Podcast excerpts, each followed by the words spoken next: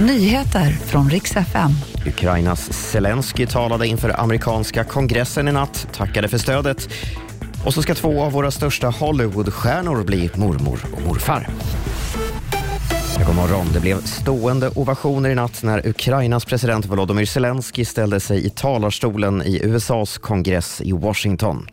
Han tackade amerikanerna för stödet, som han säger är en nödvändighet för att kunna vinna kriget, men sa samtidigt att mer behövs. Igår blev det ju klart att USA skickar sitt avancerade luftvärnssystem Patriot till Ukraina. Så ska jag berätta att H&M nu drar tillbaka sin Justin Bieber-inspirerade klädkollektion.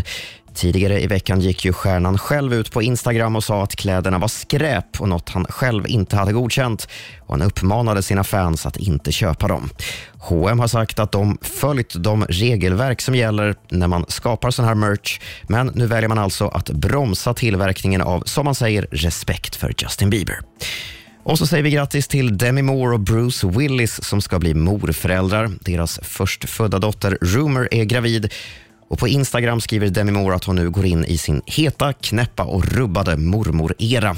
Och Gratulationerna strömmar in i kommentarsfältet från Hollywood-kollegor som Michelle Pfeiffer, Rita Wilson och Gwyneth Paltrow. Det var de senaste nyheterna och jag heter Robin Kalmegård.